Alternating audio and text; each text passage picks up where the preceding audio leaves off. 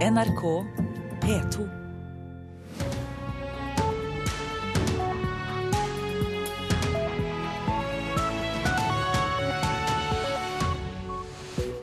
Velkommen til Nyhetsmorgen med Øystein Heggen i studio. Vi fortsetter med disse sakene den nærmeste halvtimen. Folket vil altså ikke ha kommunesammenslåinger, viser gårsdagens folkeavstemninger. Vi skal høre mer fra Sogndal, for heller ikke der vil folk ha storkommune. Nærmere halvparten av flyktningene som kommer til Norge har symptomer på angst og depresjon. Forskere mener at vi ikke tar deres psykiske helse alvorlig nok. Og vi kjører eh, stadig saktere på norske veier. Over halvparten overholder fartsgrensene. I fjor i hvert fall, viser målinger fra Statens vegvesen. Men aller først eh, om eh, flomfaren i Hedmark. NVE varsler fremdeles flom på nivå tre i hele fylket, og nivå to i Oppland, bortsett fra i Lesja og Skjåk. Men eh, selv om det ikke blir like mye regn som varslet, eh, så er eh, ikke flomfaren avblåst. Det sier Karin Enge i NVE. Vannføringen stiger fortsatt i både Glomma og Trysilelva. Det vi ser nå er at stigningen er i ferd med å avta, sånn at det, ventes vel i løpet av de nærmeste timene så ser det ut til at vannføringen vil kunne komme til å snu i de to uh, elvene. Når det gjelder de mindre elvene som, hvor det var stor vannføring, spesielt stor vannføring i, i, går, så ser det nå ut til at det der fortsatt synker. Det begynte å synke allerede i går kveld, men det ser ut til at det fortsetter. Når det gjelder nedbør, så har det vel ikke kommet så mye nedbør nå i eh, natt. Jeg er ikke helt oppdatert på den situasjonen, men eh, eh, prognosen i går kveld sa i hvert fall at det skulle ikke regne så mye i natt. Men så er det en uh, mulighet for at det kan ta seg opp igjen litt utover dagen. Ja, Inger Karin Enge i NVE var det. Og E6 gjennom Hedmark måtte altså ikke stenge pga. flom i natt, slik det var frykt for i går kveld. Og ti fylkesveier i Hedmark og Oppland de er altså stengt pga. alt regnet som har kommet. Alle forslag om eh, storkommuner i Sogn ble i går stemt ned. Det viser resultatene av folkeavstemningene. I Sogndal ville ikke engang eh, nabokommunen Leikanger, eh, noen få kilometer unna, slå seg sammen med Sogndal. Det er nok ingen tvil om at jeg frykter for Sogndal og et, det sterke regionsenteret eh, som har vært utslagsgivende for et, for et nei. Det sier Arbeiderpartiordfører i Leikanger, Jon Håkon Odd, som ser at 61% svarer nei til en storkommune med Sogndal. Det er bare noen mil og vel en halvtime å kjøre mellom Leikanger og Sogndal. Likevel vil ikke folket ha en storkommune. Folk er redd for sentralisering av tjenester. Eh, folk er redd for å bli en salderingspost. Eh, og, og folk er redd for sin egen deltaking i lokalsamfunnet i, i framtida. Det var ikke bare rundt Sogndal supermandagen smakte blåmandag for kommunalministerens store kommunereform.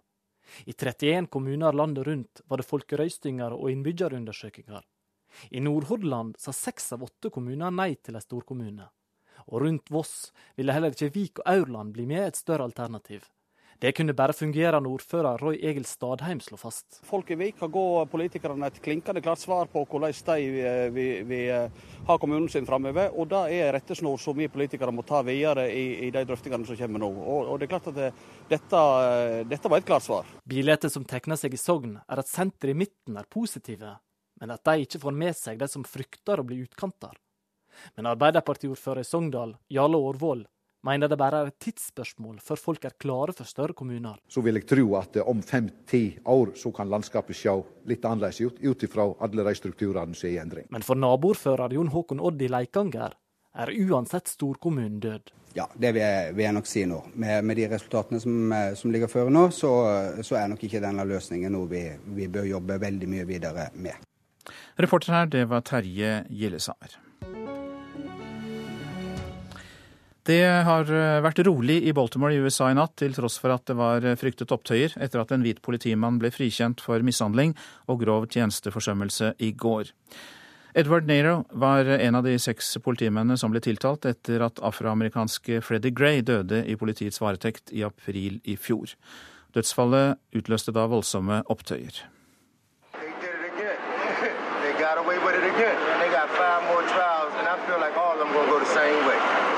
De slapp unna med det igjen. Det er fem rettssaker til, og jeg tror alle vil ende på samme måte, sier Ron Hawkins i West Baltimore til avisa The Baltimore Sun. I de fattige sentrumskvartalene der opptøyene raste i april og mai i fjor, var det rolig i natt. Selv om mange hadde fryktet nye opptøyer. Skuffelsen var imidlertid stor blant mange, etter at 30 år gamle Edward Nero ble frifunnet på alle tiltalepunkter. Nero var den andre av seks politifolk som ble stilt for retten etter at 25 år gamle Freddie Gray døde i politiets varetekt. Gray ble arrestert og fikk brudd på ryggsøylen da han ble lempet inn i en politibil. Ingen oppdaget hvor skadet han var, og han døde en uke senere av skadene han pådro seg. Politifolkene som var involvert i arrestasjonen, hevdet alle at det som hadde skjedd, var et uhell. Men voldsomme opptøyer brøt ut i Baltimore. Vinduer ble knust og butikker påtent. Uroen raste i flere dager, og delstatsmyndighetene i Maryland erklærte unntakstilstand og satte inn nasjonalgarden. Baltimore fikk hele USAs og verdens oppmerksomhet. Og noen dager senere sjokkerte Baltimores unge kvinnelige sjefsanklager da hun tok ut tiltale mot alle de seks politifolkene som hadde vært involvert i arrestasjonen. Edward Nero var bare tiltalt for mishandling og tjenesteforsømmelse, ikke for drap. Han ble likevel frikjent på alle punkter. Nå mener flere juridiske eksperter at det vil bli svært vanskelig for påtalemakten å få dømt noen i de resterende fem rettssakene. Tre av de tiltalte politifolkene er hvite, og tre er afroamerikanere. Sa USA-korrespondent Tove Bjørgaas. Så var det avisene, da, og det de er opptatt av i dag. Vekta øker, blodtrykket faller, er oppslaget i Dagbladet. Gjennomsnittlig blodtrykk har falt i befolkningen de siste åra, noe som er bra for å forebygge hjerteinfarkt og hjerneslag. Men forskerne er forbauset over at vekta også øker. Politiet fire på, brukte fire år på å somle bort voldtektssak, skriver Bergens Tidende. Trond Morten Emmenes fikk vite at saken var foreldet da han skulle vitne i saken mot en mann som hadde angrepet han. Politiadvokat Rune Malt beklager og sier at det var tatt ut tiltale, men at politiet ikke fikk fatt i tiltalte, og at de har begrenset med ressurser til å lete etter personer som det skal forkynnes eh, tiltale for. Det er et klart flertall mot kommunesammenslåinger i folket, viser altså meningsmåling gjengitt i Klassekampen. 53,5% sier nei til at deres kommuner skal slå seg sammen med en annen. Det er lettere å mobilisere mot noe enn for noe, er kommunalminister Jan Tore Sanners kommentar. Makteliten angripes fra alle kanter. Europa protesterer. Aftenposten forteller om nye protestpartier som fosser fram på høyre og venstre fløy av politikken. De Grønnes presidentkandidat vant i Østerrike i går, f.eks. Næringslivstopper retter i Dagens Næringsliv kritikk mot kontrollkomiteens leder Martin Kolberg for behandlingen av Telenor i kjølvannet av korrupsjonssaken VimpelCom. Tidligere toppsjef i Aker Kværner, Inge K. Hansen, er enig med Høyres Michael Tetzschner i at komiteen under Kolbergs ledelse inntar rollen som både etterforsker, aktor og dommer. Når høyresiden mener jeg har gjort noe galt, betyr det at jeg gjør noe riktig. Det sier Arbeiderpartiets Martin Kolberg til Dagsavisen. Om Stortinget ikke skal engasjere seg i egne vedtak, hva skal da Stortinget engasjere seg i, sier han. Tøffe klimakrav venter landbruket, er oppslaget i Nasjonen i dag. Danske bønder frykter nye EU-krav. Klima- og miljødepartementet i Norge forventer at uh, også det norske landbruket må forberede seg på krav om lavere utslipp. Og de har ikke råd til å skilles, skriver Vårt Land. Gifte par som er rammet av oljekrisen i Rogaland, går ekstrarunder på familievernkontorene for å redde ekteskapet. Det er en ekstra vilje til å redde skrantende samliv, det sier Jon Aasland, leder av familievernkontoret i eh, Sør-Rogaland. La oss ikke glemme psykisk helse. Det er overskriften på en kronikk som ble lagt ut på NRK Ytring i går og ble senere delt av mange i sosiale medier. Den handler om at mange av flyktningene som kommer til Norge, bærer på alvorlige psykiske traumer fra en dramatisk flukt. Og forsker ved Nasjonalt kunnskapssenter om vold og traumatisk stress, Øyvind Fjell Solberg, velkommen. Takk skal du ha. Du er en av forfatterne, og hvorfor mener dere flyktningenes psykiske helse er så viktig å være klar over? Eh, det er fordi at det per i dag ikke foreligger en nasjonal oversikt over eh, helsetilstanden og de utfordringene som følger med, med dagens situasjon. Eh, så vi trenger å få kartlagt dette bedre, sånn at vi kan ta tak på riktig sted. Forskning viser jo at mer enn 45% av flyktningene som kommer hit, har symptomer på angst og depresjon. Hvordan påvirker det integreringen? Altså, slik vi ser det, så er psykisk helse en forutsetning for uh, å fullt ut kunne delta i de integreringstiltakene som foreligger eller planlegges.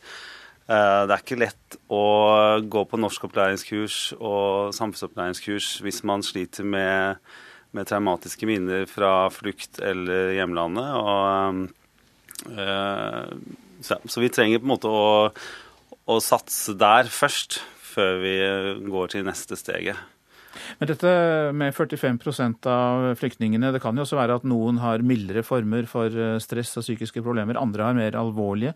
Sier eh, tallene noe mer om uh, ulikhetene der? Ja, altså det er 45% høres jo på en måte mye ut, men det er det er, det er, mye god helse der ute også. Det er ressurssterke folk som kommer også. Og det er, det er ikke det er ikke slik at alle som kommer nå, må inn i spesialisthelsetjenesten og skal liksom belaste psykiatri. og Det er mye som kan gjøres forebyggende, mye som kan gjøres på, på frivillighet og i skole. sånn at... Um, Men så er det noen som sliter, og hva er det de først og fremst sliter med?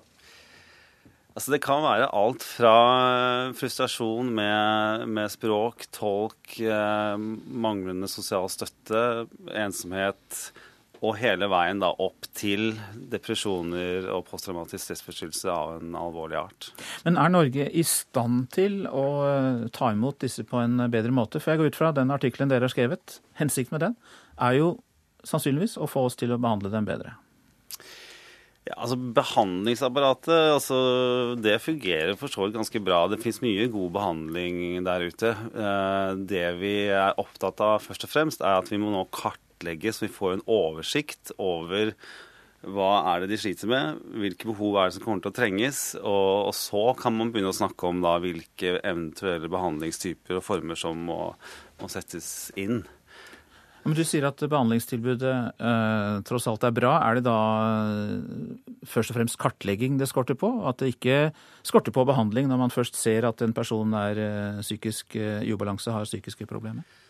Altså, Flyktninger har egentlig eh, krav på den samme behandlingen der som uh, nordmenn flest. Men uh, hvis vi ikke vet hva utfordringene er, så, så, kan vi på en måte ikke skreddersy de mest effektive tiltakene som de kan få utbytte av. Og vi må også vite når, når tiltak skal settes inn, når, når passer det best, hva er det de trenger når og, og, det er ikke gitt at eh, det er psykiatri det er snakk om. Det kan være frivillig innsats i nærmiljøet, det kan være forebyggende tiltak i skole. Enkle grep som gjør at skolehverdag og arbeidsliv flyter på en bedre måte enn det kanskje gjør hvis vi ikke har eh, oversikt over hva som trengs.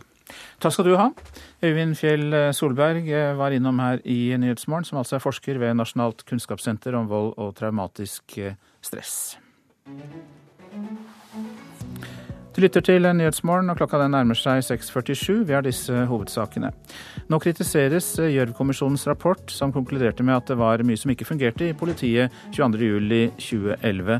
Tidligere politimester i Oslo, Arnstein, Anstein Gjengedal, mener rapporten er for bastant. E6 gjennom Hedmark måtte ikke stenge pga. flom i natt, slik det var frykt for i går. Men ti fylkesveier i Hedmark og Oppland har vært stengt pga. store nedbørsmengder. I de kommunale folkeavstemningene i går var det bare 9 av 31 kommuner der resultatet peker mot eh, sammenslåing. Blant annet ble alle forslag om storkommune i Sogn eh, stemt ned.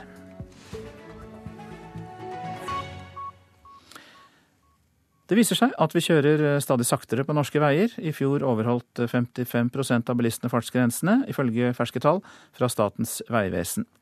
Men så er det slik at det går for sakte for noen. Hei, dette er utrykningspolitiet? Hei.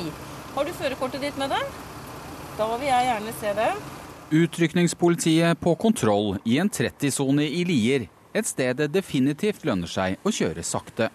Det fikk flere angrende bilister erfare i går. Vi har eh, da målt deg å kjøre litt for fort. Her er det 30, og du har blitt målt til 42.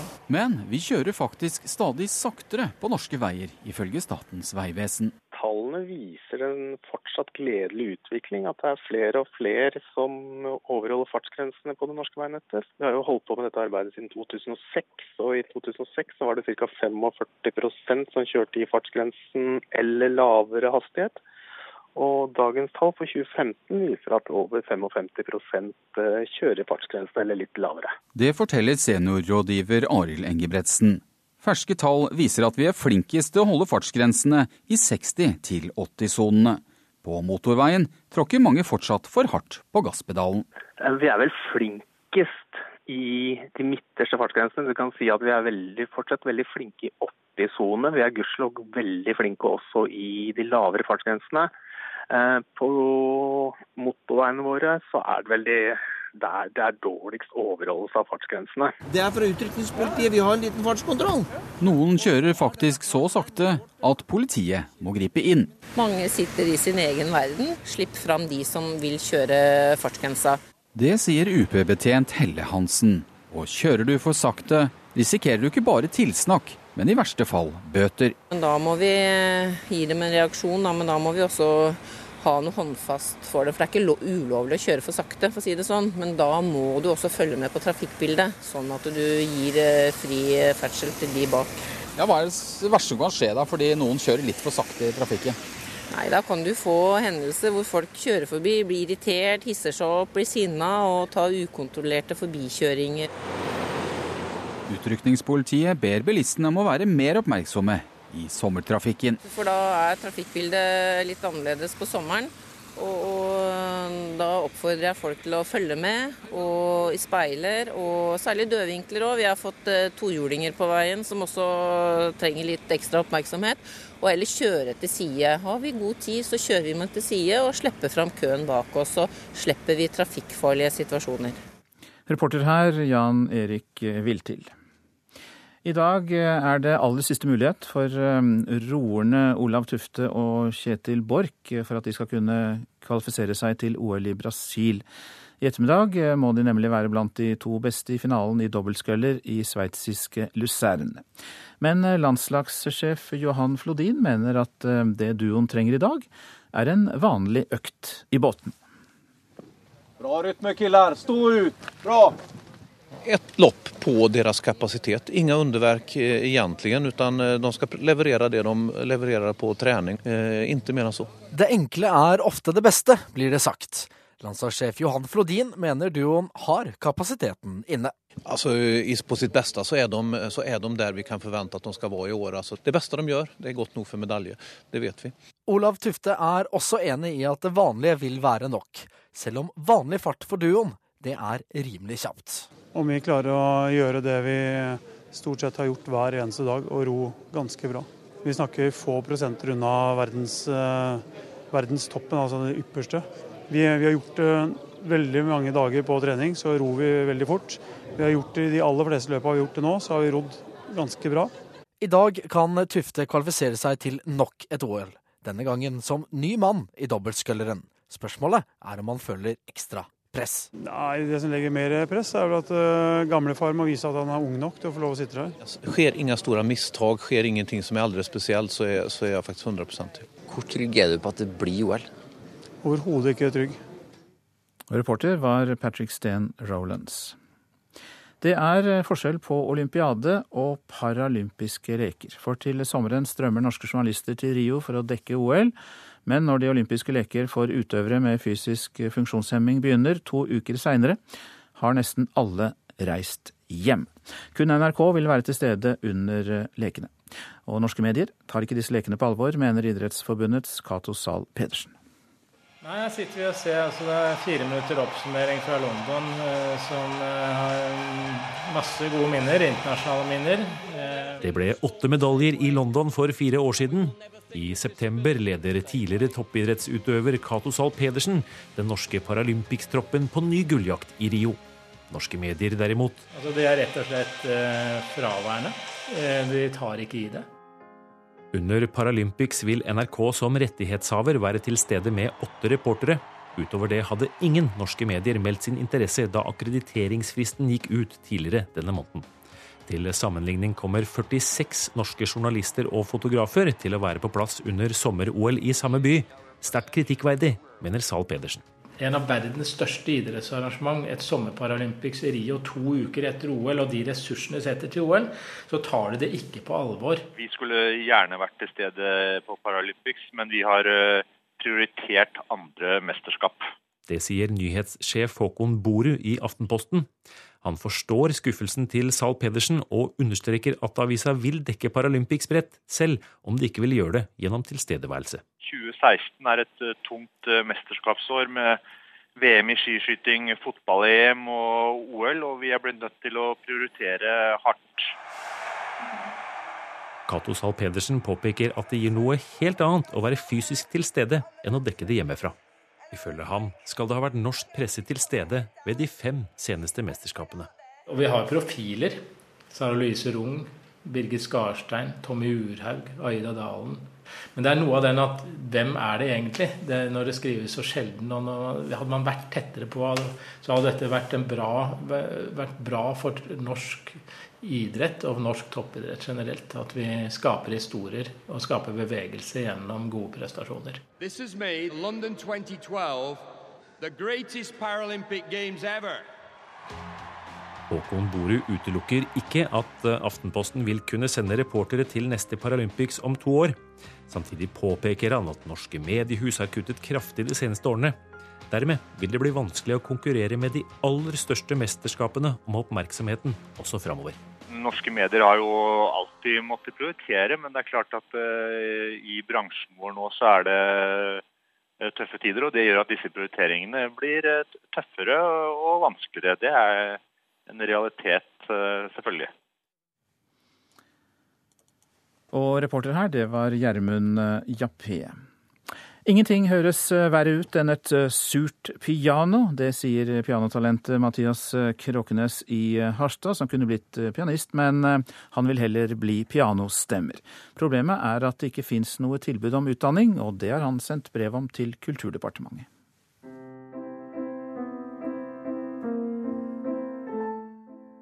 I et lite klasserom møblert med pianokrakker og piano sitter 18 år gamle Mathias Kråkenes bak tangentene og spiller på Nocturne av Edvard Grieg. Det viktigste egentlig av alt. Det er hobbyen min, men i tillegg eh, Hvis jeg har vært bortreist en uke uten å ha spilt noe som helst, så er jeg rimelig nedfor mentalt sett. Så det, det er noe jeg trenger. Men profesjonell pianist vil han ikke bli. Nei, egentlig ikke. fordi med tanke på å bli en profesjonell konsertpianist, så må man eh, øve seks timer om dagen. Det høres kanskje litt mye ut.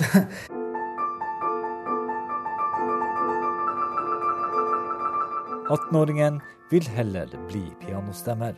Jeg fikk jo øynene opp for noe når jeg kontakta en avdeling i Oslo som heter Steinveigalleriet.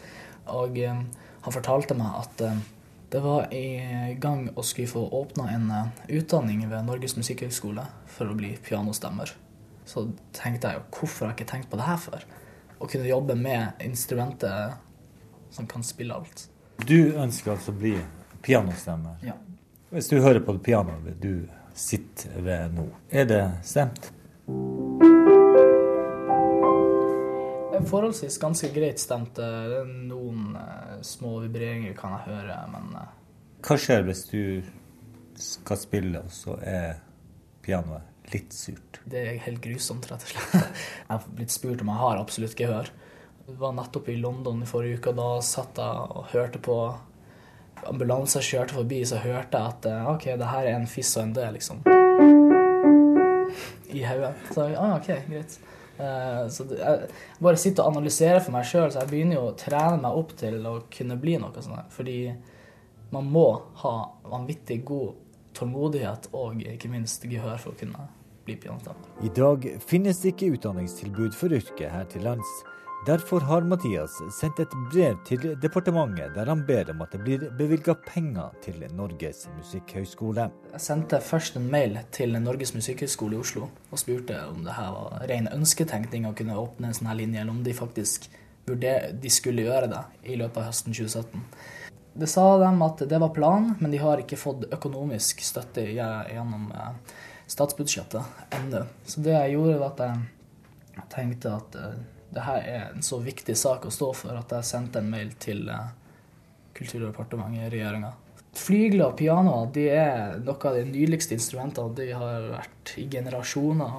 Møbler, flotte treverk. og De fortjener å bli ordentlig stemt. Reporter var Martin Mortensen. Så tar vi for oss eh, værvarselet. Østafjells og fjellet i eh, Sør-Norge. Nordlig liten kuling ut Oslofjorden. Regn og regnbyger i østlige strøk og nær kysten. Lokalt kraftige byger rundt Oslofjorden om kvelden. I resten av området opphold og noe sol. Vestlandet sør for Stad nordlig stiv kuling på kysten, ellers pent. Møre og Romsdal og Trøndelag enkelte regnbyger, vesentlig i Trøndelag. Lettere vær mot kvelden. Nordland og Troms skyet og regnbyger. Sørvest liten kuling på kysten. Finnmark regnvær som brer seg østover. Vestlig liten kuling på kysten. Om ettermiddagen overgang til regnbyger. Og Spitsbergen får stort sett opphold. Og vi har ikke fått inn noen temperaturer fra Meteorologisk institutt i dag. NRK P2.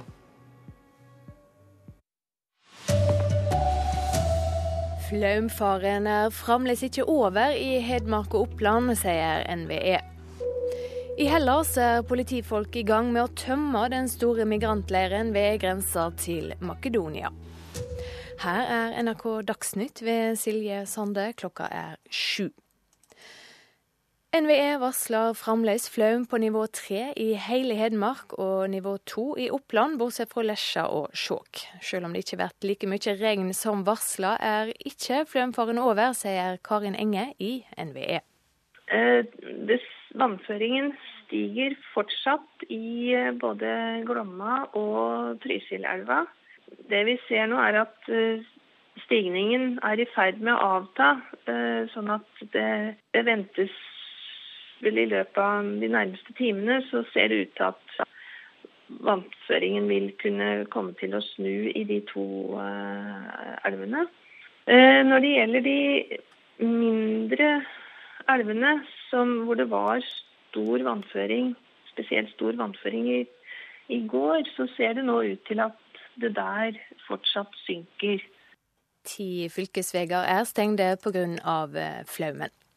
Styresmaktene i Hellas har starta med å tømme den store flyktningleiren i Idomeni, like ved grensa til Makedonia. Flere enn 8400 migranter og asylsøkere holder til i leiren. Omkring 200 politifolk er nå satt inn for å tømme området. Det melder nyhetsbyrået AFP. Planen er å flytte alle som har bodd i telt i Idomeni til organiserte leirer. En regjeringstalsmann sier til BBC at de fleste vil bli flyttet til nye leirer i nærheten av Tessaloniki.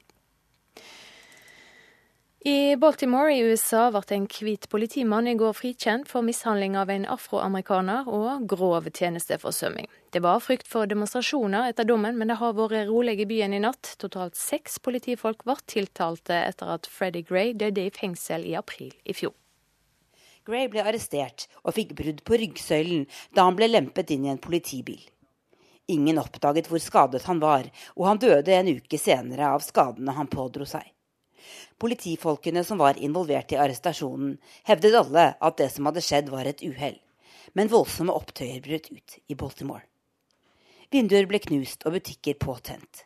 Uroen raste i flere dager, og delstatsmyndighetene i Maryland erklærte unntakstilstand og satte inn nasjonalgarden. Baltimore fikk hele USAs og verdens oppmerksomhet og noen dager senere sjokkerte Baltimores unge kvinnelige sjefsanklager da hun tok ut tiltale mot alle de seks politifolkene som hadde vært involvert i arrestasjonen. Reporter Tove Bjørgaas.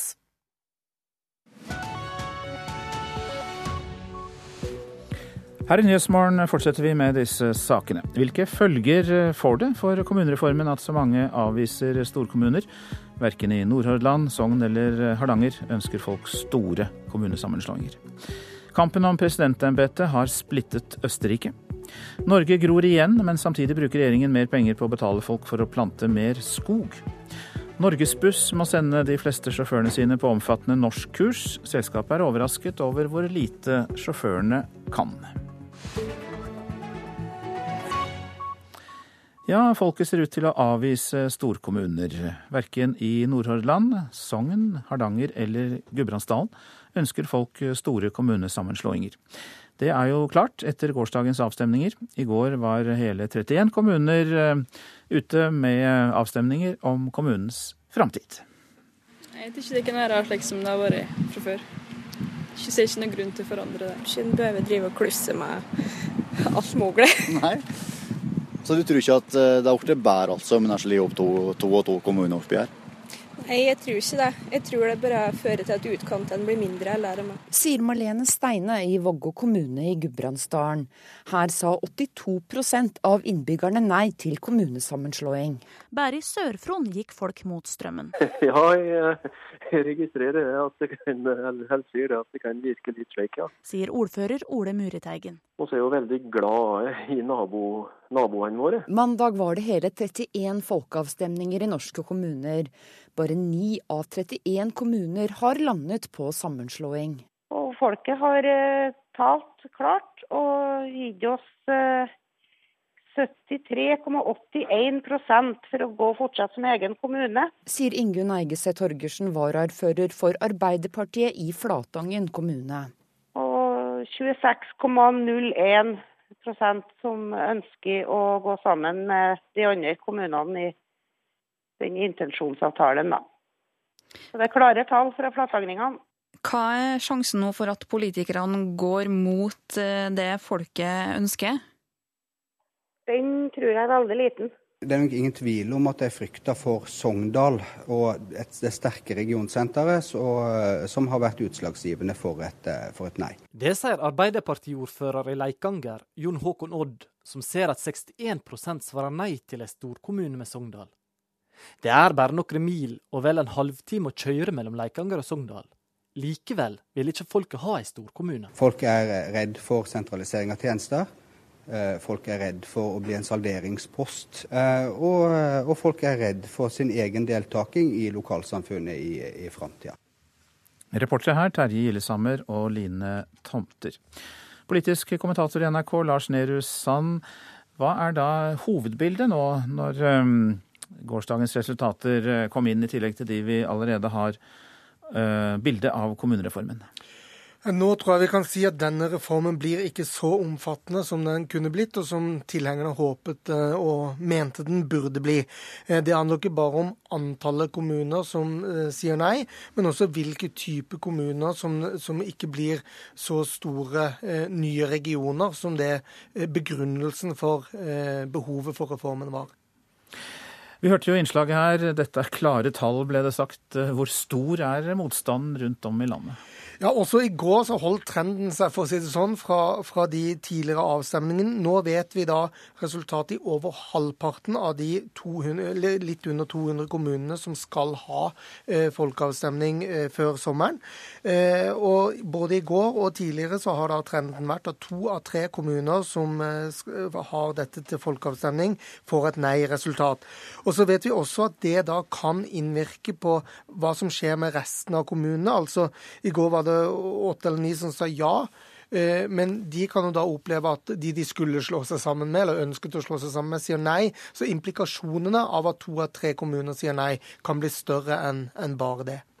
Nå viser jo kommunalminister Jan Tore Sanner til at mange kommuner har inngått avtaler. Det er vel intensjonsavtaler det er blitt kalt, da. Eh, hvor stort håp har han da om et bedre utfall gjennom eventuelt disse avtalene? Ja, Han har jo rett i at det bare er under halvparten av kommunene som skal ha folkeavstemning. Så selv om det nå blir mange sånne resultater og, og, og en nei-vind over, over, landet, så er det klart at i skyggen av det så er det over halvparten av kommunene som faktisk gjør denne prosessen på en annen måte. Eh, men også for de så vil jo eh, avstemningene i en av flere av disse eh, kommunene kunne få en implikasjon på hvilke kommuner som faktisk kan slå seg sammen. Eh, og så er det også sånn at vi heller ikke eh, av de som ikke skal ha folkeavstemning, ser en, en stor tendens til at det bygges nye regioner, nye storkommuner, i, i skyggen av folkeavstemningene.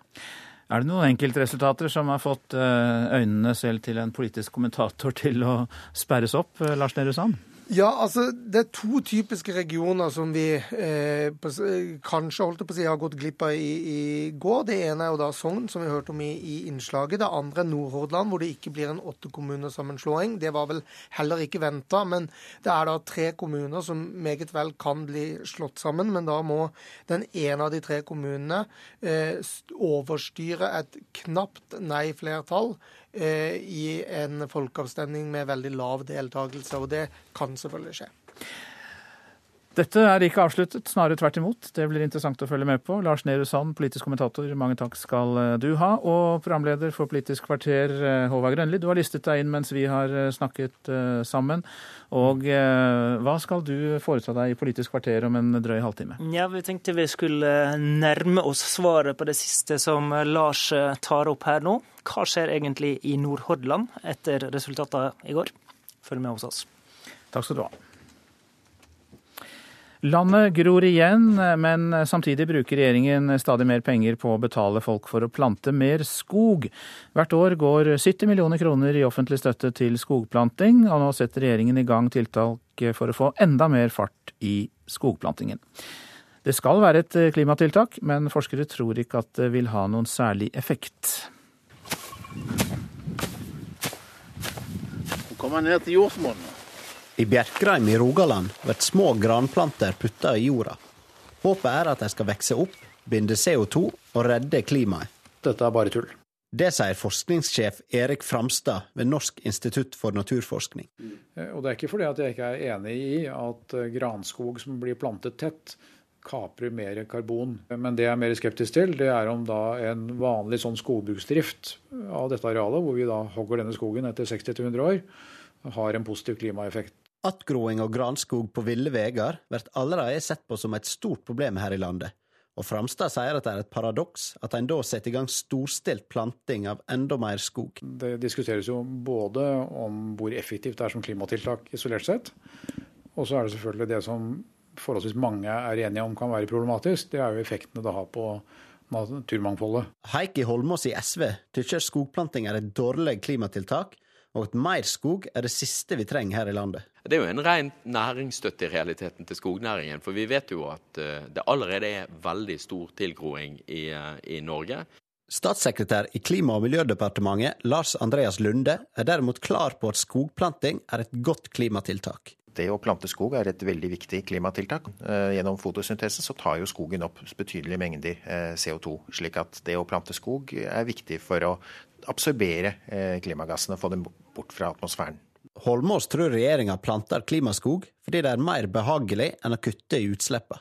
Regjeringen snakker jo utrolig mye om det grønne skiftet, om grønn omstilling. Men det blir altså ingen omstilling av å plante mer skog. Det eneste du kan være sikker på, det er at hvis det er en mulighet til å kjøpe seg unna, eller plante seg unna det å faktisk kutte i norske klimautslipp, så kan du stole på at regjeringen kommer til å foreslå det. Og reporter her, det var Alexander Åsnes. I eh, Hedmark og Oppland eh, er ikke flomfaren avblåst ennå, hørte vi i Dagsnytt. Flere fylkesveier er fremdeles stengt pga. vannstanden. Og vi har med oss reporter Knut Øyvind Hagen. Du står ved E6 på Hamar, og der er veien eh, fortsatt åpen. Men det er vel mye vann rundt deg? Det kan man trygt si. Man kan oppsummere omgivelsene med vann, vann og atter vann. Og det kommer mer vann i form av regn fra lufta. Eh, man ser jo at eh, bekken her har eh, gått over sine bredder. og Selv om den ikke foreløpig er opp til veinivå, så er det absolutt ikke slutt på verken regn eller økte vannbredder her. Så det er fortsatt fare for at veier forblir stengt, at det er fare for mer flom og mer vann? Det er det. Og samtlige kommuner i Hedmark står jo fortsatt oppført med nivå tre når det gjelder flomfare. Hedmark er det eneste fylket.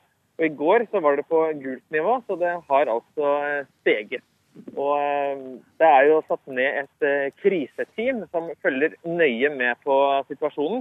Det er fagfolk i Statens vegvesen som samarbeider med politiet og ser an de ulike områdene. Aller verst er det jo i Trysil-traktene og mot svenskegrensa. Ja, så her er det viktig å overvåke situasjonen, tydeligvis. Men E6 der du står er fortsatt åpen, og E6 blir kanskje fortsatt holdt åpen? Det er ingenting som tilsier at den blir stengt, i hvert fall om noen minutter. Men de vurderer situasjonen fortløpende. Og nå som nettopp regnet har blitt trappet opp igjen, er det lurt å følge med, i hvert fall. Og Statens vegvesen oppdaterer jo også på sine sider.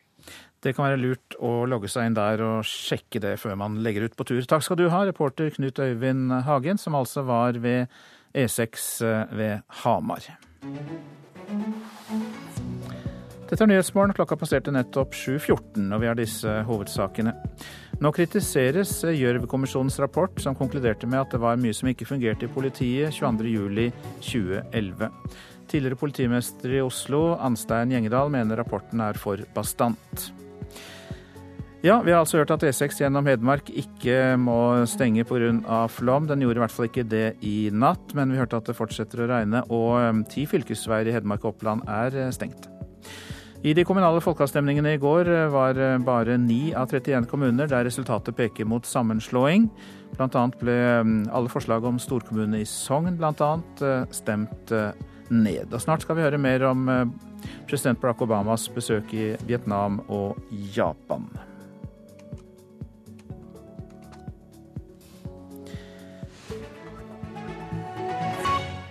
Aller først til Østerrike. For støttespillerne til den nye presidenten er lettet over resultatet etter en valgthriller av de sjeldne.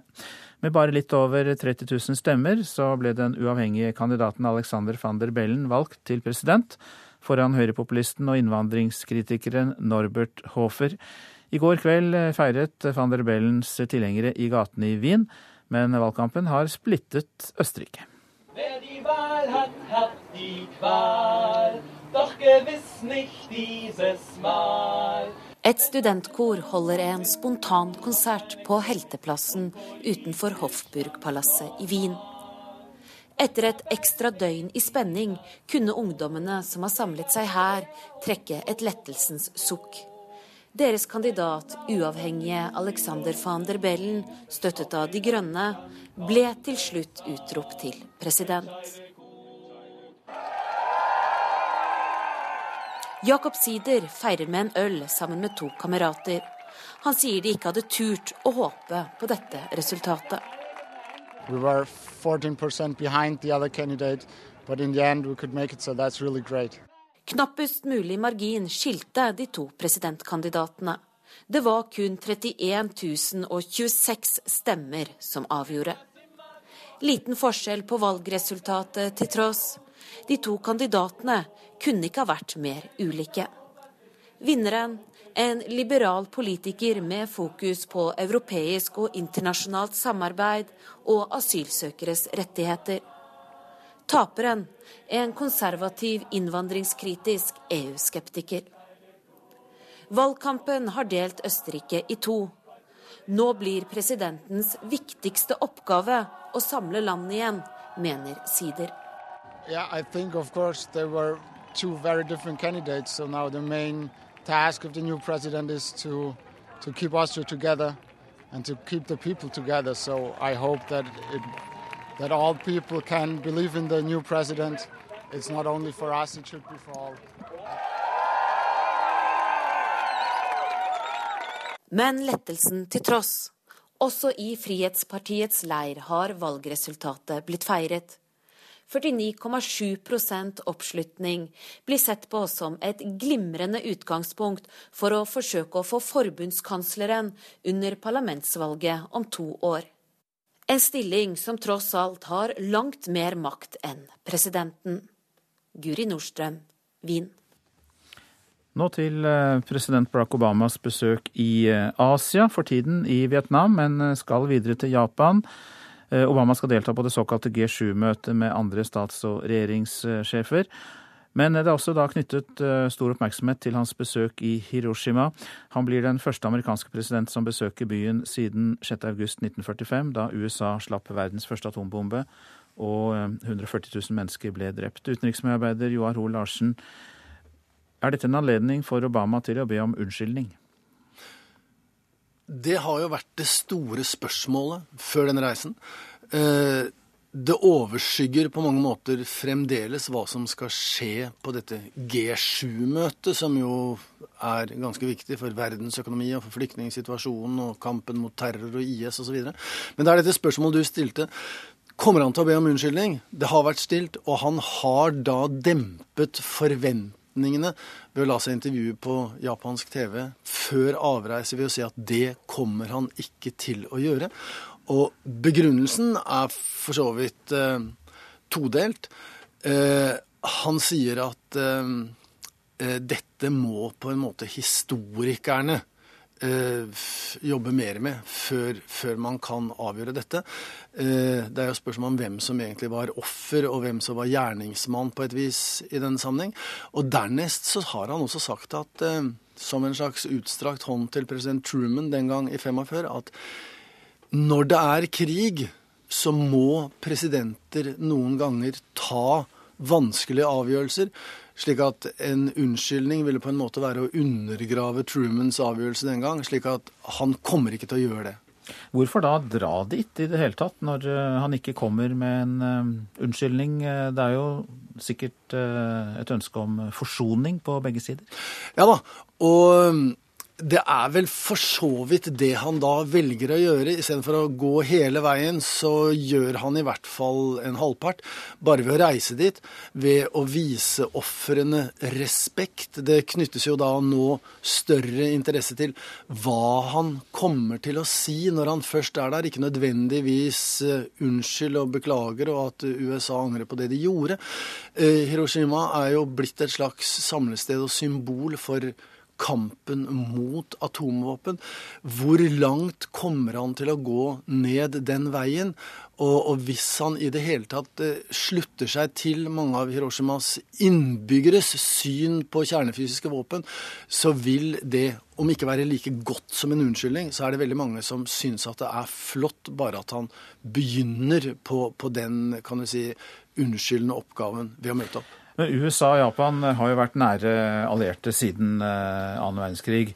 Ehm, har i det hele tatt eh, atombombespørsmålet noen innvirkning på det politiske forholdet mellom landene i dag, eller er dette mer snakk om forsoning mellom folkene? Det ligger jo der. både atombomben, men også alt som skjedde i forkant det er jo årsaken sett fra amerikansk side på at de måtte slippe denne atombomben. Det var det at japanerne ga seg aldri. Det var vanvittig blodige slag. De mener at 140 000 mennesker ble drept, men at man sparte faktisk adskillig flere liv. Men de bruker jo også dette med at to som var så vanvittig steile fiender, etter hvert nå er nære allierte, faktisk noen av de nærmeste allierte i internasjonal politikk, at det viser jo at det er von i hangende snøre. Det er et fredshåp selv etter uforsonlig fiendskap. Slik at eh, de to har jo nå vært politisk og økonomisk og militært svært nære nesten helt siden krigens slutt. Men på det mellomfolkelige plan, og ikke minst for de overlevende, både de i Hiroshima, men også nå godt voksne amerikanske krigsfanger som opplevde et helvete, for å si det slik, i japansk fangenskap, så er det vanskelig akkurat på det felt å forsones nå. Takk skal du ha, utenriksmedarbeider eh, Joar Hoel Larsen. Så tar vi for oss det avisen er opptatt av i dag. Vekta øker, blodtrykket faller, er oppslaget i Dagbladet. Gjennomsnittlig blodtrykk har falt i befolkningen de siste åra, noe som er bra for å forebygge hjerteinfarkt og hjerneslag. Men forskerne er forbauset over at vekta altså øker. Politiet brukte fire år på å somle bort eh, voldssak, skriver Bergens Tidende. Trond Morten Emmenes fikk vite at saken var foreldet da han skulle vitne mot en mann som hadde angrepet ham. Politiadvokat Rune Malt beklager og sier at det var tatt ut tiltale, men at politiet ikke fikk fatt i den tiltalte, og at de har begrenset med ressurser til å lete etter eh, personer for å forkynne tiltale. Det er eh, et klart flertall mot kommunesammenslåinger i folket, det har vi jo hørt i denne sendingen. Og Klassekampen har gjennomført en meningsmåling som viser at 53,5% av folket sier nei til at deres kommune skal slå seg sammen med en annen. Det er lettere å mobilisere mot enn for noe, er kommunalminister Jan Tore Sanners kommentar til avisa. Makteliten angripes fra alle kanter. Europa protesterer. Aftenposten forteller om eh, nye protestpartier som fosser eh, fram, både på høyre og venstre fløy av politikken. Det var De Grønnes presidentkandidat som vant i Østerrike i går, som vi har hørt. Næringslivstopper retter i Dagens Næringsliv kritikk mot eh, kontrollkomiteens leder Martin Kolberg for behandlingen av Telenor i kjølvannet av korrupsjonssaken i VimpelCom. Tidligere toppsjef i Aker Kværner, Kverner, Inge K. Hansen, er enig med Høyres Michael Tetzschner i at komiteen under Kolbergs ledelse inntar rollen som både etterforsker, aktor og dommer. Når høyresiden mener at jeg har gjort noe galt, betyr det at jeg gjør noe riktig. Det sier Arbeiderpartiets Martin Kolberg til Dagsavisen. Om Stortinget ikke skal engasjere seg i egne vedtak, hva skal da Stortinget engasjere seg i, sier han. Tøffe klimakrav venter landbruket, er oppslaget i Nasjonen. Danske bønder frykter nye EU-krav. Klima- og miljødepartementet i Norge forventer at også det norske landbruket må forberede seg på krav om lavere utslipp. De har ikke råd til å skilles, er eh, oppslaget i Vårt Land. Gifte par som er rammet av oljekrisen i Rogaland, går ekstrarunder på familievernkontoret for å redde ekteskapet. Det er en ekstra vilje til å redde skrantende samliv, sier Jon Aasland, leder av familievernkontoret i Sør-Rogaland.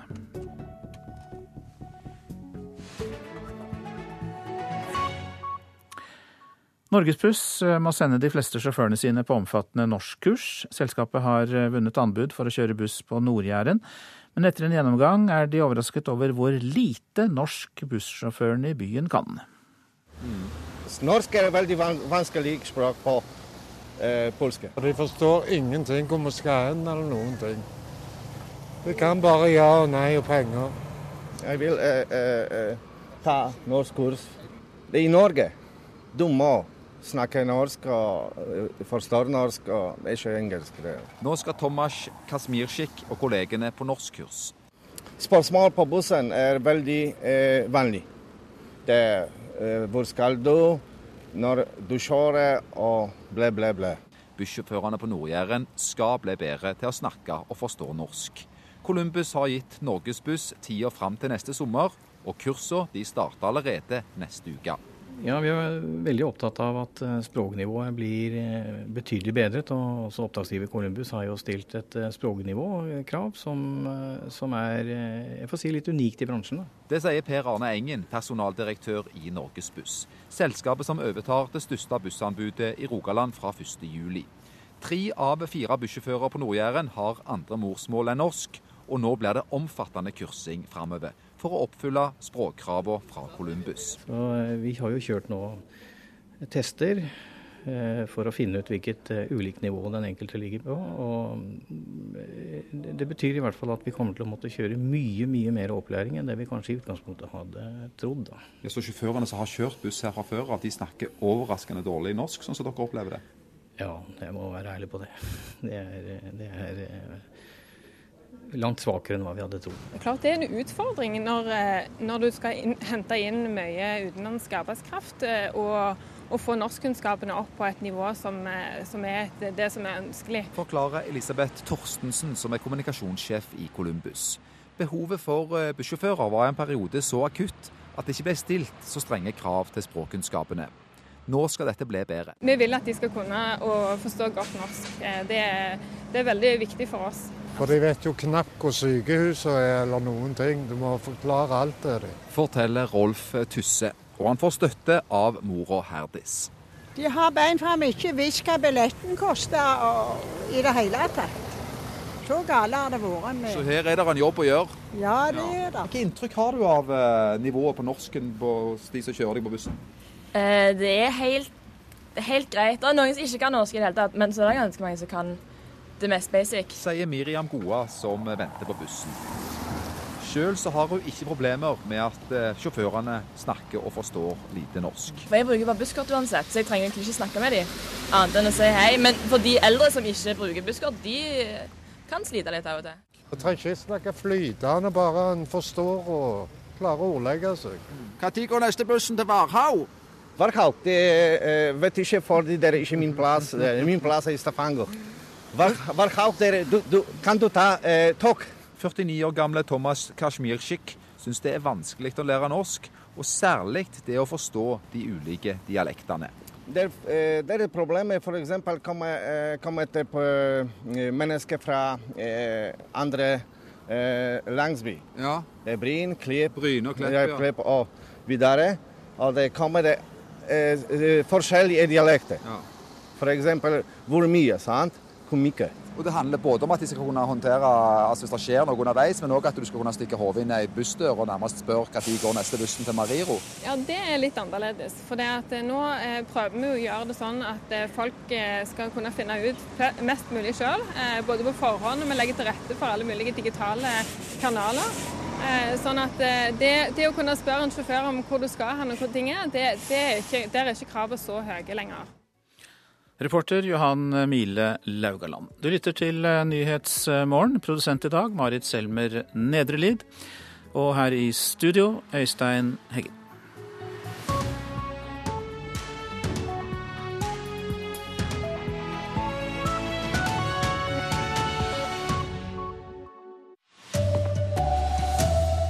Folket har sagt sin mening. De er ikke interesserte i nye storkommuner. I Hellas starta politiet i dag med å tømme den store migrantleiren ved grensa til Makedonia. Og norske bilister kjører seinere enn før. Over halvparten av oss holder fartsgrensene. God morgen, her er NRK Dagsnytt ved Silje Sande. Klokka er 7.30. Folket ser altså ut til å avvise storkommuner. Korkje i Nordhordland, Sogn, Hardanger eller Gudbrandsdalen ønsker innbyggerne å høre til nye store kommuner. Det er klart etter de 31 kommunerøstingene i går. Det er nok ingen tvil om at det er frykta for Sogndal og det sterke regionsenteret som har vært utslagsgivende for et, for et nei. Sier Arbeiderpartiordfører i Leikanger i Sogn, Jon Håkon Odd. Der sa 61% nei til storkommune. Folk er redd for sentralisering av tjenester. Eh, folk er redd for å bli en salderingspost. Mandag var det hele 31 folkeavstemninger i norske kommuner. Bare 9 av 31 kommuner har landet på sammenslåing. 26,01% som ønsker å gå sammen med de andre kommunene i den intensjonsavtalen. da. Så det er klare tall fra flatlagningene. Hva er sjansen nå for at politikerne går mot eh, det folket ønsker? Den tror jeg er veldig liten. Senest i går understreket kommunalminister Jan Tore Sanner fra Høyre at det er mulig for kommunestyrene å overprøve befolkningen. Hvis eh, kommunestyret bestemmer seg for å gå sammen med nabokommunen, så er ikke det tvang. Det er en demokratisk beslutning. Og jeg har stor tillit til at lokalpolitikerne nå viser det helt nødvendige lederskapet. Ikke alle resultatene er klare, deriblant i Narvik. Der var de fleste NRK møtte i går positive til kommunesammenslåing. Og jeg er for sammenslåing. Jeg tenker jo egentlig at jo større vi er, jo flere er vi og kan dele på både kostnader og, og utgifter og kan dra veksel på erfaringer og sånn. Så jeg, jeg tror at det kan være positivt. Jeg stemte ja på begge. Reporter Line Tomter. Med meg nå politisk kommentator her i NRK, Lars Nehru Sand. Et flertall av de som har røysta vil ikke ha storkommunene. Hvor står eh, kommunereformen nå? Denne reformen blir ikke så omfattende som den kunne blitt, eh, og som eh, de som har jobbet for det, mener den burde blitt. Eh, og Det handler ikke bare om antallet kommuner som, som sier ja eller nei, men det handler også om hvilke type storkommuner vi får noe ut av, hvor kraftige regioner det blir rundt de største byene våre. Hvor sterk er denne motstanden? Ja, Trenden fra tidligere fortsatte også i går kveld ved at to av tre kommuner sier nei. Eh, med gårsdagens resultater så vet vi nå resultatene i eh, over halvparten av de rett under 200 kommunene som skal ha sammenslåing før sommeren. Eh, og vi vet jo også at når noen sier nei, så kan det også innvirke på handlingsrommet til de som faktisk har sagt ja. Takk skal du ha, Lars Nehru Sand. I Hellas har politiet i dag starta med å tømme flyktningleiren i Idomeni. Minst 200 politifolk er i gang med å få migranter og asylsøkere ut av den provisoriske teltleiren like ved grensa til Makedonia.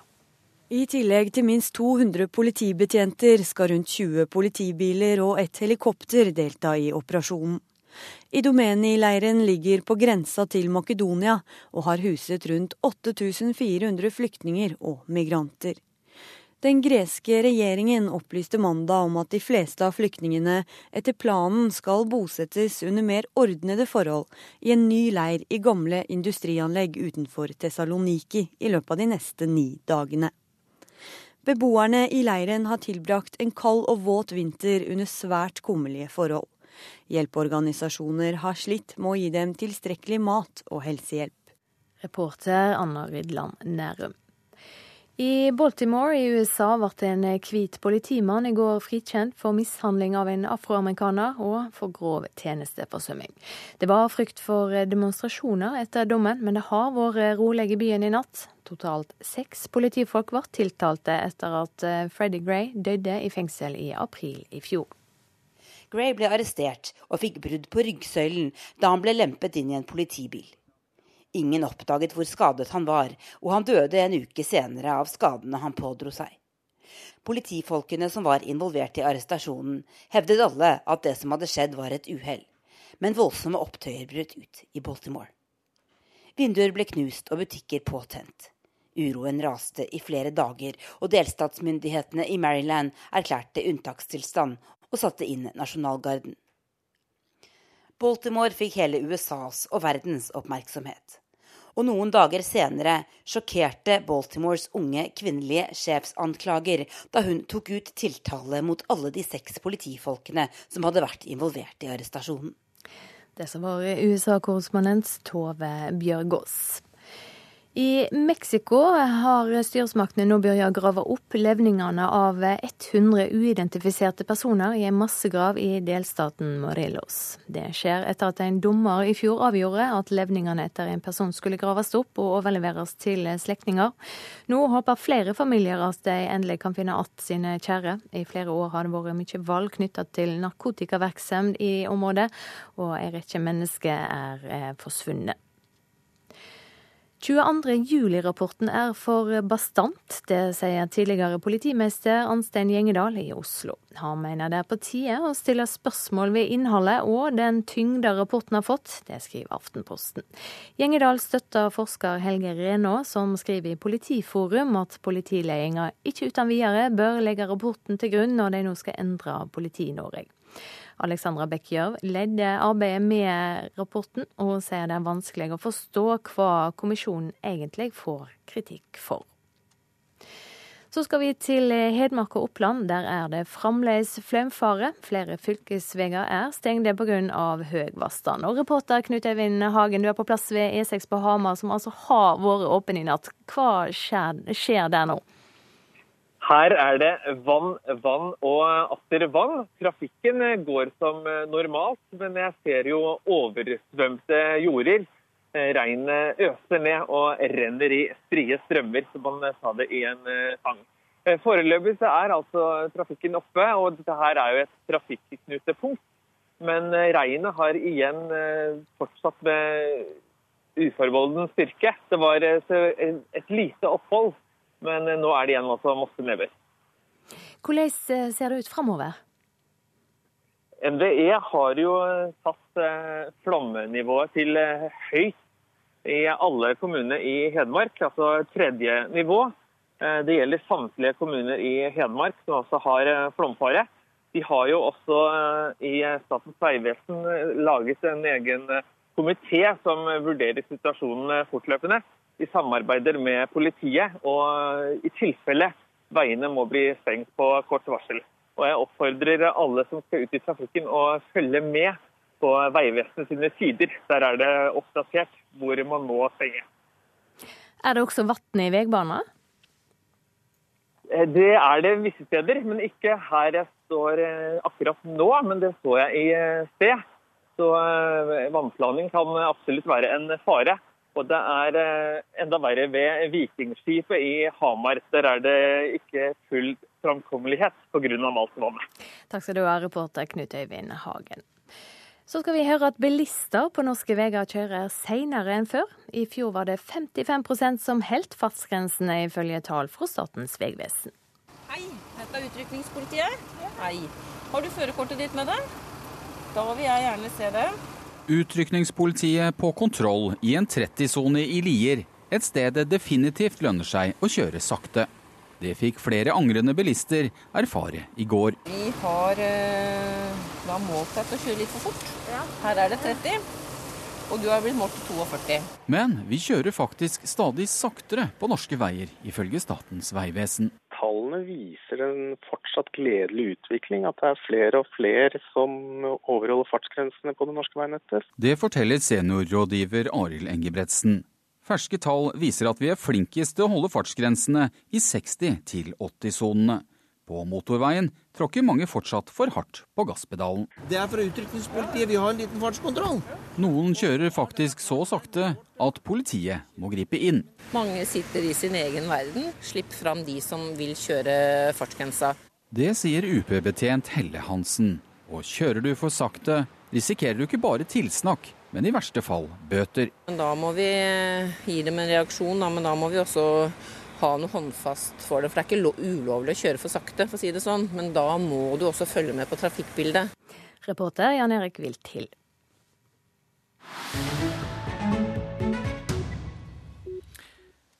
Dette er uh, Nyhetsmorgen. Palestinerne har eh, endelig fått sitt påkostede og storslåtte nasjonale museum like utenfor Ramallah. Det skal vi høre om nå. Men det viste seg at da president Mahmoud Abbas åpnet museet med en prislapp på 250 millioner kroner, så var det tomt.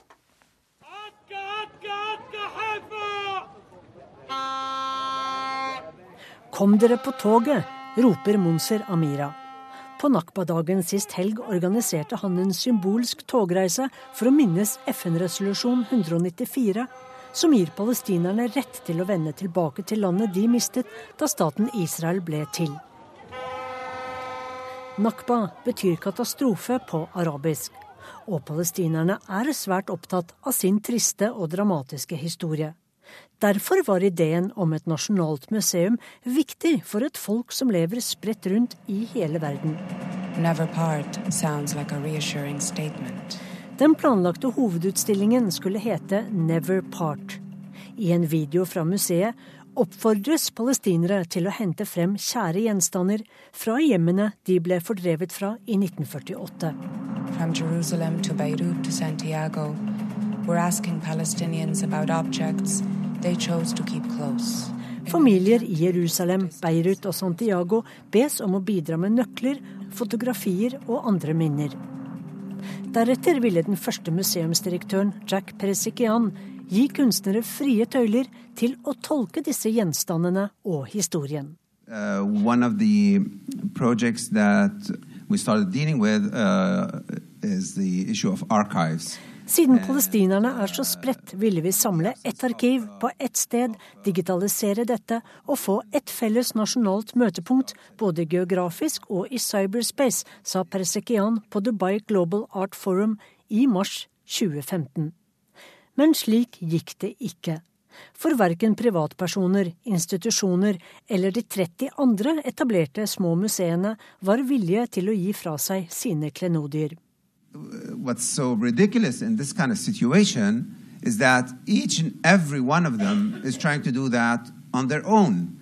Meaning no one is talking to the other. Ingen samarbeider. Dette er jo håpløst, sukket Persikianda. Nå er Mahmoud Hawari, en spesialist på islamsk kunst og arkeologi, ny direktør. Museet er storslagent. Det imponerende bygget ligger vakkert til i naturen på en høyde i birtseit, ikke langt fra Ramallah på den okkuperte Vestbredden. Museet er 3500 kvadratmeter, er tegnet av et irsk arkitektfirma og kan minne litt om operaen i Oslo. Prislappen på til sammen 250 millioner kroner er et spleiselag mellom palestinske privatpersoner, institusjoner og banker. Og på Nakba-dagen ble museet åpnet med en høytidelig seremoni. Palestinernes president Mahmoud Abbas ble geleidet inn av prominente personer. Og da de kom inn, kunne alle se at museet er helt tomt. Pga. uenighet og mangel på samarbeid har det stolte bygget verken innhold eller utstillinger. Sissel Wold var reporter.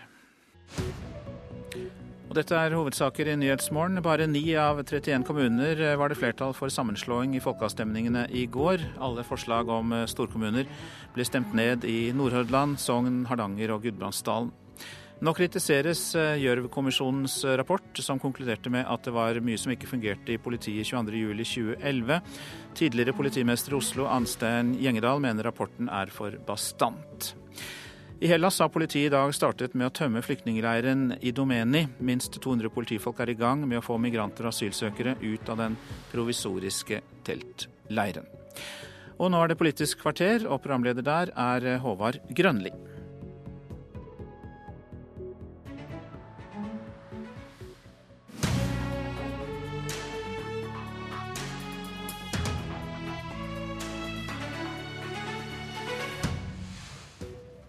Hvordan kan forsvarsministeren være trygg på at vi allierer oss med de rette kreftene i kampen mot den såkalte islamske staten?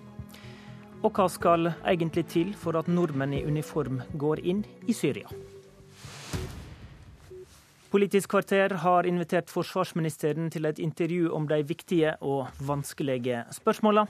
Men vi starter med kommunereformen, og har valgt oss Nordhordland. Tanken om å slå sammen åtte kommuner til én storkommune i Nordhordland ble avvist i seks av åtte kommuner. Men det kan fortsatt bli en nordhordlandskommune i litt mindre format. Astrid Aarhus Burknes, du er til daglig KrF-ordfører i den største kommunen i denne regionen, Lindås, men er akkurat nå fritatt fra vervet fordi du er vararepresentant på Stortinget. Du er en av de som har ivra for fusjoner i Nordhordland, og i din kommune vil folket det. Men eh, hvorfor tror du at bare to av åtte i området var positive? Nei, Det er veldig vanskelig å spekulere i akkurat det, men jeg tror at det som går på identitet og kultur står veldig sterkt i Nordhordland. At uh, følelsen av å høre til en plass, uh, der skal vi fortsatt høre til, har noe å si. Men det kan òg hende at alle har ikke fått med seg de politiske prosessene som har vært, selv om jeg mener at vi har hatt veldig langvarige og gode prosesser. For vi begynte helt frivillig med i 2010. Men eh, det er nok mange ting som gjør at folk eh, har vært i tvil. Det er jeg sikker på. Innbyggerne i Lindås og Radøy vil ifølge innbyggerundersøking gå sammen. Kanskje blir eh, Mæland med, der det er åpent etter et knapt nei-flertall i folkerøstinga. Hva kommer til å skje da? Nei, Jeg håper jo det at uh, vi fortsetter den gode nabopraten uh, med disse tre kommunene, som vi har en, egentlig en uh, omfattende intensjonsavtale med òg. Og at tida fram til den 22. juni, når vedtaket skal gjøres, for det er jo de folkevalgte kommunestyrene som skal til sjuende og sist gjøre vedtaket etter råd fra folket. Og det er jo mange måter å høre på folket på. Så jeg håper at den prosessen munner ut i at vi får en ny kommune i Nordhordland. Med, med, tre kommuner. Med tre kommuner. Skal det bli det, så må uh, kommunestyret i Mæland gå, gå, mot sitt uh, eget folk. Uh, der var altså valgdeltakinga låg, men det ble et knapt flertall mot sammenslåing. Vi skal høre hva ordføreren i Mæland, Øyvind Oddekalv, sa nå nylig til NRK Hordaland.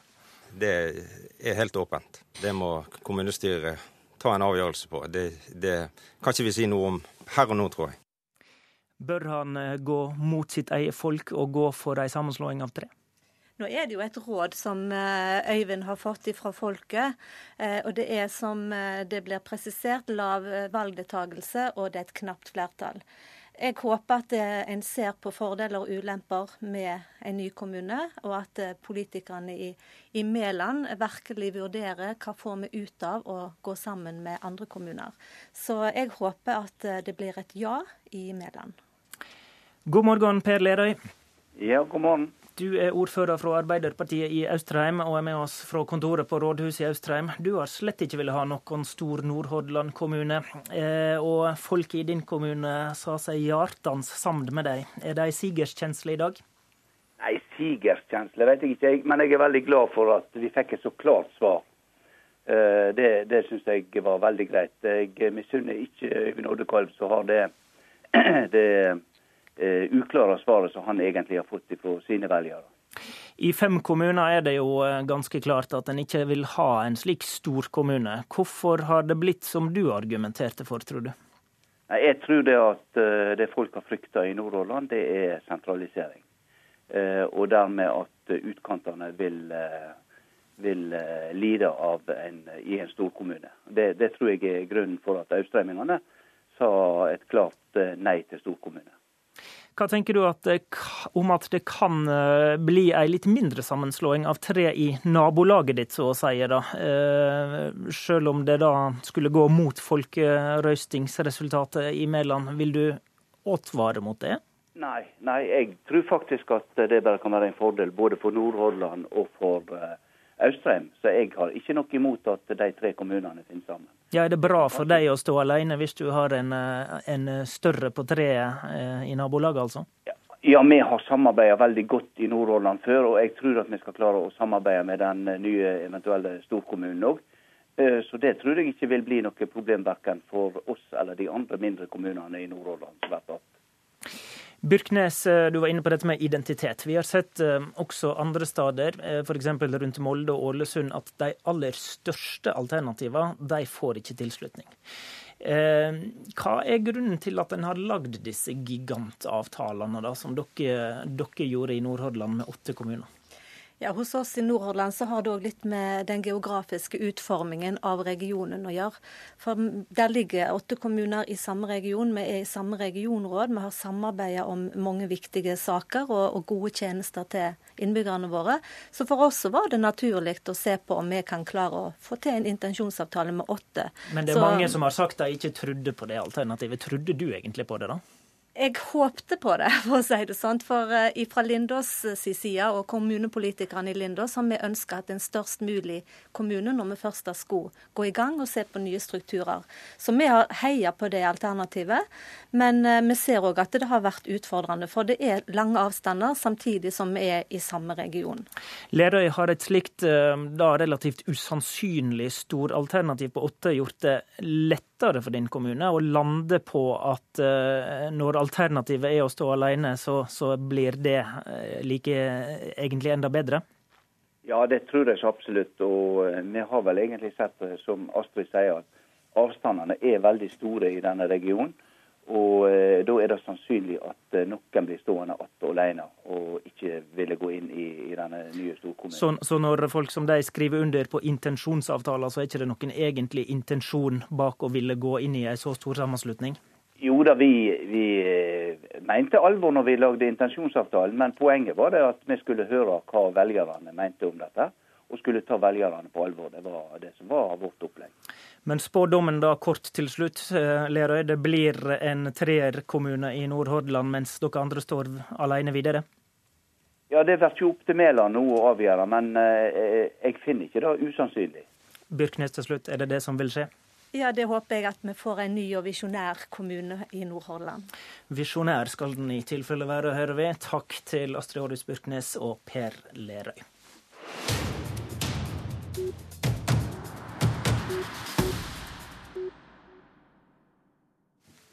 Hvordan vet vi at vi kjemper med de rette kreftene når vi skal sende våre folk til kampen mot IS? Det har vært et av de store spørsmålene som har vært oppe etter at regjeringa kunngjorde sitt bidrag i kampen mot IS. Det militære bidraget dreier seg om 60 spesialsoldater som fra Jordan skal trene opp lokale grupper i kampen. Velkommen hit, forsvarsminister Ine Eriksen Søreide. Tusen takk. Hvem er det egentlig vi skal trene opp? Det er helt riktig som du sier innledningsvis, at vi skal trene opp eh, lokale syriske grupperinger som også har lokal forankring. Og det er viktig for oss at vi er med i en koalisjon som også gjør en grundig jobb med å godkjenne og velge ut. Og det har man basert på mange erfaringer i operasjonen tidligere nå kommet fram til et system som eh, etter vår oppfatning er et godt system. Så gruppene er per i dag valgt ut? Er, noen av de er valgt ut, men de vil jo også fortløpende bli valgt ut etter hvert som operasjonen går framover. Og det gjøres bl.a. på bakgrunn av eh, intervjuer, biometri, løgndetektortester, sjekk av motivasjon, politiske hensikter. Og vi har jo sett at vi er nødt til å gjøre det både på gruppenivå, på ledernivå og på individnivå. Og grunnen til at vi utvider bidraget vårt i kampen mot ISIL, er jo ISILs voldsomme brutalitet. Det er det at det å ikke gjøre noe også er et valg som har konsekvenser. Og dette er også en langsiktig investering i vår egen sikkerhet. Hva slags etterretningstjenester er det som gjør den bakgrunnssjekken du nå skisserer for oss, da? Er det våre ja. egne? Dette er jo bl.a. koalisjonens partnere som jobber med. Vi kommer også til å ha vårt personell eh, til stede som skal bidra i den jobben, sammen med koalisjonspartnerne. Og Det er viktig for oss å understreke når vi har tatt det valget vi har om å styrke bidraget vårt i kampen mot ISIL, at vi gjør det jo ikke fordi det er enkelt eller fordi at det er svart-hvitt. Det er tvert imot veldig komplisert. Men i valget vi har i dagens verden, så er det få ideelle alternativer. Men det er alternativer og muligheter vi må bruke for å kunne håndtere den trusselen verdenssamfunnet anser ISIL å være. Er det et vilkår at de skal ha vært i kamp før? Det er ikke et vilkår at de skal ha vært i kamp før, men det er et vilkår at de skal rette innsatsen sin mot ISIL. Og det er det vi kommer til å drive opplæring og opptrening av. Skal vi, skal vi, kan vi trene opp folk fra scratch da, i kampen mot uh, en uh, såpass brutal styrke som IS? Ja, På samme måte som vi gjør alle andre steder hvor vi driver trening og kapasitetsbygging, så er det jo også mange ferske soldater som kommer inn i kampen. Og dermed så må man trene de opp på enkeltferdigheter og også på lags- og avdelingsnivå. Hva slags forhold har disse grupperingene til Assad-regimet? Altså, dette er jo grupperinger som kjemper sin kamp mot ISIL. Men vi har samtidig vært veldig tydelige på at man aldri kan garantere helt at ikke de på et eller annet tidspunkt også kan rette innsatsen sin andre steder. Men det de nå bekjemper, og det vi bidrar til at de skal settes i stand til å bekjempe, er ISIL og den voldsomme trusselen de utgjør både i Syria og Irak, og regionalt og også mot vestlig territorium. Er det grupperinger som vi kan se på som allierte med Assad-regimet? Altså, dette er grupperinger som har lokal tilhørighet i Syria. Og det er helt avgjørende for å kunne bekjempe den trusselen ISIL representerer, at det er lokale sunniarabiske grupper som er med på å frigjøre sitt eget hjemmeterritorium, for å bruke et sånt begrep. Det er en viktig suksessfaktor i den jobben som må gjøres. Og når vi ser på hvordan eh, kapasitetsbygging og, og innsats internasjonalt har utvikla seg de seinere åra, så ser vi jo at det veldig tydelige bildet, som også koalisjonen legger til grunn, er at det er ikke vi som skal kjempe kampen, men vi skal sette lokale grupperinger i stand til å gjøre den jobben. Dette er noe vi kan. Vi kan bidra med det, vi har lang erfaring med det, og vi gjør det sammen med nære allierte og koalisjonspartnere. Men, men kan vi eh, trene opp grupper som er allierte med Assad? Så I denne sammenheng så er poenget vårt og poenget til koalisjonen å trene opp grupper som skal bekjempe ISIL. Vi har eh, også i FNs sikkerhetsråd en enstemmig resolusjon fra november i fjor som anser ISIL å være en, helt, eh, en, trussel helt uten sidestykke, som opererer på tvers av landegrenser i Syria og Irak, og som ses på som en enhet i de to landene. Og da må den også bekjempes effektivt fra begge land. Regjeringa har åpna for at vi skal kunne gå inn på syrisk territorium på et tidspunkt. Eh, hva skal til for at vi gjør det? Det vil være helt avhengig av hvordan operasjonen utvikler seg. Og det er først når forholdene eventuelt ligger til rette for det, at det er aktuelt å gjøre den samme opplæringa og treninga som vi i starten gjør i Jordan, også inn på syrisk territorium. Så det er for å trene grupperinga på syrisk territorium, eller er det også for å følge dem i kamp?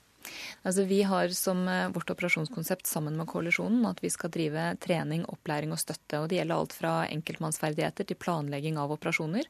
Det gjør vi da i begynnelsen fra baser i Jordan. Eh, etter hvert kan det hende at operasjonen utvikler seg til også å gjøre den samme jobben i Syria, eller på syrisk territorium dersom operasjonen eh, går såpass raskt framover at det blir aktuelt. Men, det... men, men, bør norske soldater på et tidspunkt gå inn i Syria?